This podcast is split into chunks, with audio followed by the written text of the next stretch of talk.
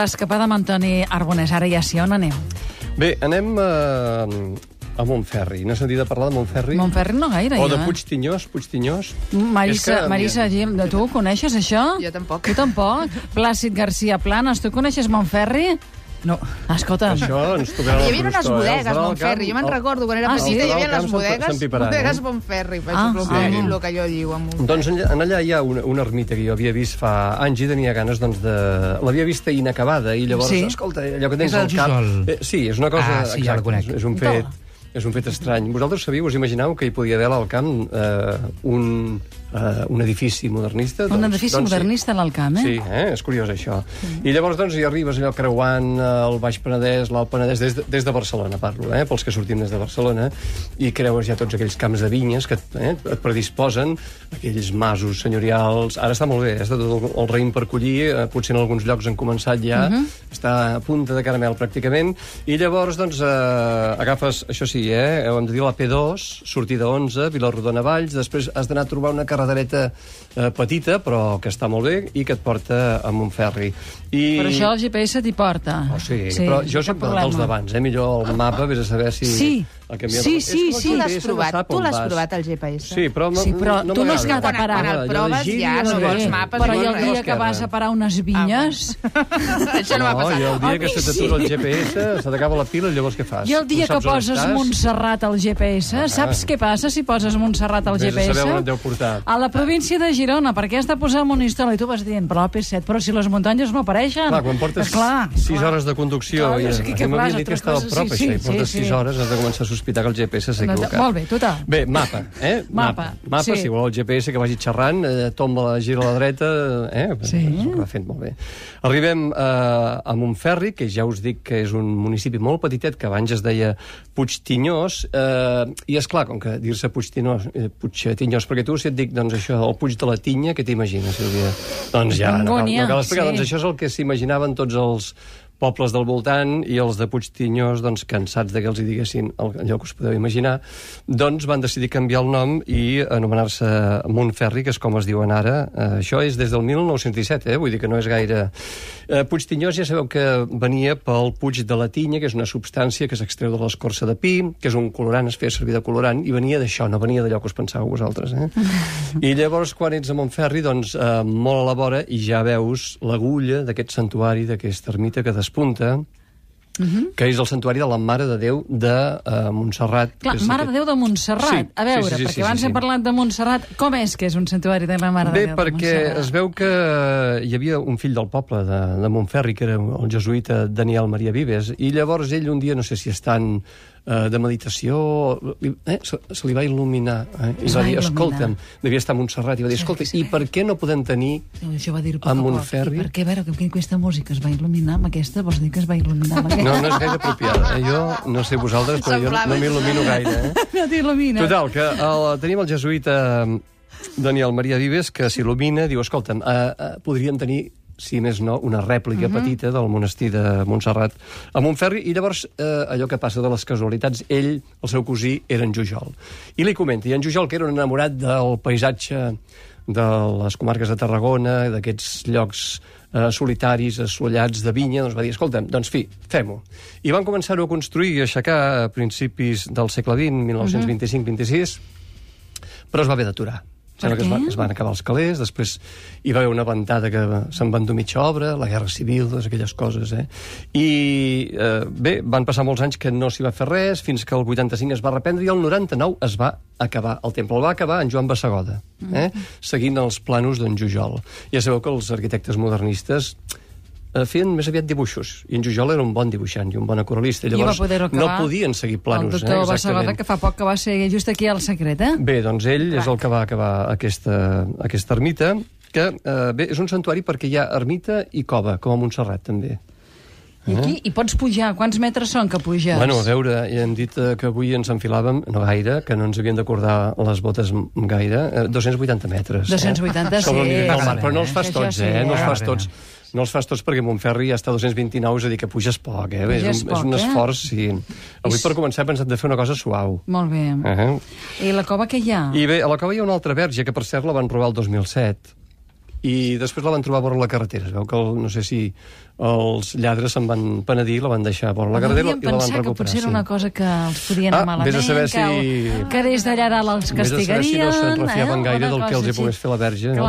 Total, que hi han dues verges, eh, la que està al santuari pròpiament i després la que hi ha a la cova, que és una, una imatge molt maca, la que hi ha al santuari. La van portar des de Montserrat mateix. Eh? Mhm. Quan van acabar el temple, doncs, eh, els monjos de Montserrat van portar aquesta altra moreneta. Bé, i, i sobre l'ermita, a veure, mm, sabeu allò de que hi ha gustos per tot? Per exemple, Sí. l'Espinàs diu que és una ermita excèntrica aspirant a una mona de Pasqua. Ja sabeu que això del modernisme eh, ha creat sempre molta contro controvèrsia i que el mateix Gaudí, quan feia la pedrera i això, la gent que passava pel costat no s'ho acabava de... Eh? No ho entenia, acabava, no no ho acabava gaire, de veure clar, clar. clar. Però eh? vivim de la mona de Pasqua, eh? Eh? Exacte, exactament. Eh? Perquè no, no de la mona, de les mones de Pasqua, perquè, esclar, Correcte. imagina't, si això que és un temple petitet, doncs eh, ja ho és, imagina't tu, doncs, la resta de grans obres modernistes que són les que quan ve un estranger, si plau et demana que els hi ensenyis, no? Aquí el Toni Arbonès ha fet fotos i ara es poden veure al xat N'hi ha de alguna, l'en alguna, alguna i després les pensar... posarem al Facebook, Dic, segur eh? que hi ha algú que eh, doncs està encuriosit per veure aquesta... catradio.cat barra en directe. Què més diem? Doncs en Jujol projecta una, una obra harmònica amb el paisatge, perquè ja hem dit doncs, que a ell li agrada molt eh, la natura, eh, una obra que recordi la muntanya de Montserrat, per això hi ha cúpules naturalistes, hi ha molts arcs parabòlics que formen tant la cúpula del, de l'altar i del recinte on es congreguen uh -huh. els fidels, com una cúpula petiteta adossada al presbiteri que generen el que és la cúpula del Cambril on hi ha la verge. També s- s'hi pot pujar a la verge per, una, eh, per unes escales que hi ha a dreta i a esquerra. I bé, aquest conjunt del Cambril de la verge, con- eh, si tu mires des de fora, veus que sobresurt del turonet on hi ha la- l'ermita i pràcticament surt a sobre els camps de vinyes que queden uns metres per sota del santuari i llavors fa com una mena de, de, de proa, de vaixell, el santuari. Eh? És una proa que està enfocada cap a Montserrat hi ha algunes curiositats, per exemple, al capdamunt d'aquesta ermita hi ha una agulla amb una creu que, si no m'equivoco, crec que eh, pesa Pesa 500 quilos. 500 quilos, O sigui que eh? déu nhi I des d'on hi ha la creu fins a la base de l'ermita hi han 33 metres, que són l'edat que tenia Cris quan va morir a la creu, i han dit que la planta té forma de vaixell i diuen diuen que la part central d'aquesta esglesiola doncs està pensada com un castell dels xiquets de Valls. No sé si la colla vella o la colla jove, eh? Ai, ai, ai. però diuen això. En fi, evidentment hi ha els vitralls característics del, de les obres modernistes que donen un clímax no? i una llum molt concreta quan entres a dintre d'aquests eh, santuaris que gairebé eh, instintivament comences a parlar amb la veu baixa. Oh, però està bé, perquè a més et, et, com et reculls, no? Dius com si t'escoltessis, no, no, no? Eh, Com ho veieu, no? Sí, sí, sí. A tu mateix i a l'altre amb més atenció, com en un espai... Impressiona, Allà... Però Sí, però- els vitralls no són de l'època, eh? No, són més moderns. crec. Són més moderns. Són més Sí, moderns. d'ara. Bueno, de fet, ja, clar, estem, estem dient que aquest temple el van acabar al 99, és a dir, que és molt recent. Carai. Eh? O bastant recent, perquè els anys passen tan ràpids, Sílvia. Passen tan ràpids els Tan anys. No passa, els sí, anys no. passant nosaltres. Ai, nosaltres, nosaltres, sí, sí. I els anys per sobre nostre. Bé, doncs, eh, després d'aquest petit recolliment, podem anar al poble, si voleu, que són quatre cases, és un poblet molt petitet. Abans, evidentment, com en aquests pobles, doncs, eh, els travessava la, la carretera general, però van haver de canviar-la de lloc perquè el poble s'hi entra per un arc i hi havia camions que no passaven per l'arc, així que van decidir, va ser una raó de pes per canviar la carretera, ara la carretera general passa per fora del poble, així que t'has de desviar, entres al poblet. És curiós que a l'entrada del poble hi ha unes bústies, no sé si per estalviar-li feina amb el carter, potser deu ser dels pagesos que no, estan jo, jo més pobles. escampats sí, sí, i llavors el, el carter té menys feina, entra, té allà la, la bústia Sí. de, del Ramon i la bústia de la família tal, i ja està.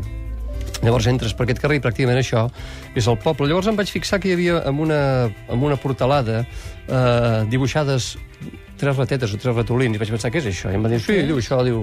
De fet, la Mercè, que és una de les persones que integra la comissió que se n'encarrega de la- de l'ermita, ja em va explicar, em va, em va posar amb antecedents. Diu, si baixes al poble, diu, coneixeràs els de la, les clandestines. Dic, caram, I què són això? les clandestines? Bé, em va costar molt de trobar-ho, perquè com que es deien com es deu... Clandestines. Clar, clandestines, doncs ho has de... Eh? Encara que el poble és petit, eh, costa trobar-ho. Total, que és, eh, és una d'aquestes microcerveseries artesanes que hi ha per la eh? geografia de Catalunya i que Sí. se'n sap ben poc. I són això, doncs, tres amics, l'Artur, el Xavi i el Miquel Àngel, que és el que em va rebre. I aquesta gent fan cervesa des de fa 3 anys, oficialment, 7, si afegim els que els anys doncs, que feien cervesa extraoficialment. I Oh, clar, en aquests encara anys... estaven allà preparant-ho. Sí, ells ho preparaven a casa, es veu que cadascú a casa seva feia, problemes. feia cervesa, Sí. no? No, no, estaven en fase Sí. de proves. fase de proves, però es veu que els ratolins se'ls hi menjaven el grato. Els hi Sí. comien, sí, la malta d'ordi, d'espelta i de blat. I quan van decidir doncs, fer-ho una mica més seriosament, van decidir, doncs ja està, tu, calla. Diu, com que aquests ratolins són una colla de clandestines, els diem les clandestines, ells són tres amics, per tant, Sí. d'aquí el, els tres I la- ratolinets de la I la Torre del Moro, ja acabem, Toni. Torre del Moro, escolta, has d'estar una mica més fort, eh? perquè aquí ens hem d'enfilar 100 metres més, fins a 380 Ja, metres ja sobre el nivell del mar. Podem, podem, sí, podem, Eh, és una sí. torre, I és molt curiosa perquè ara aquesta torre doncs, eh, l'han restaurat, la van restaurar perquè va haver-hi un llamp doncs, que la va malmetre, però abans que, que la restauressin es veu que per allà hi va passar en Francesc Gurri, eh, que és un bon amic, un excel·lent geògraf i un magnífic coneixedor de la geografia de Catalunya. Ell fa molts anys va escriure uns magnífics llibres que es diuen Catalunya de poble en poble, i ell és curiós perquè quan, eh, quan puja a la Torre del Moro diu recomano mirar el paisatge que es veu des de la Torre del Moro amb un sol ull. I caram, que és vas estrany, fer? això. Vas fer? No, no, perquè ara està restaurada. Ell ho recomanava perquè l'altre diu s'ha d'estar pendent de la torre que no, que no s'esfondri a sobre teu. Però ara ja està, no, no hi ha perill. Ara ja ho hem eh? arreglat, Si pugeu, això. sí, ja no hi ha problema. Toni, doncs fantàstic, fem aquest viatge a Montferri. Sí, amb un ferri. Quantes hores per anar i quantes per tornar? És que depèn, depèn de per on hi vagis. Des d'aquí, una horeta i poquet, des de Barcelona. I l'estona sí. de caminar, quan dura? Res, home, res. Però sí, Mitja hora? escolta, sí, ja, pràcticament amb el cotxe pots arribar fins a l'altar. I llavors ja està, Sí, ja passar-t'ho bé, clar, no? Un cap de setmana. Sí, ara, ara ens faciliten molt les coses. Sí, home. això és inclús veritat. massa, inclús Això és massa. Tots massa. Molt bé. Toni, moltes gràcies per aquesta escapada. A vosaltres.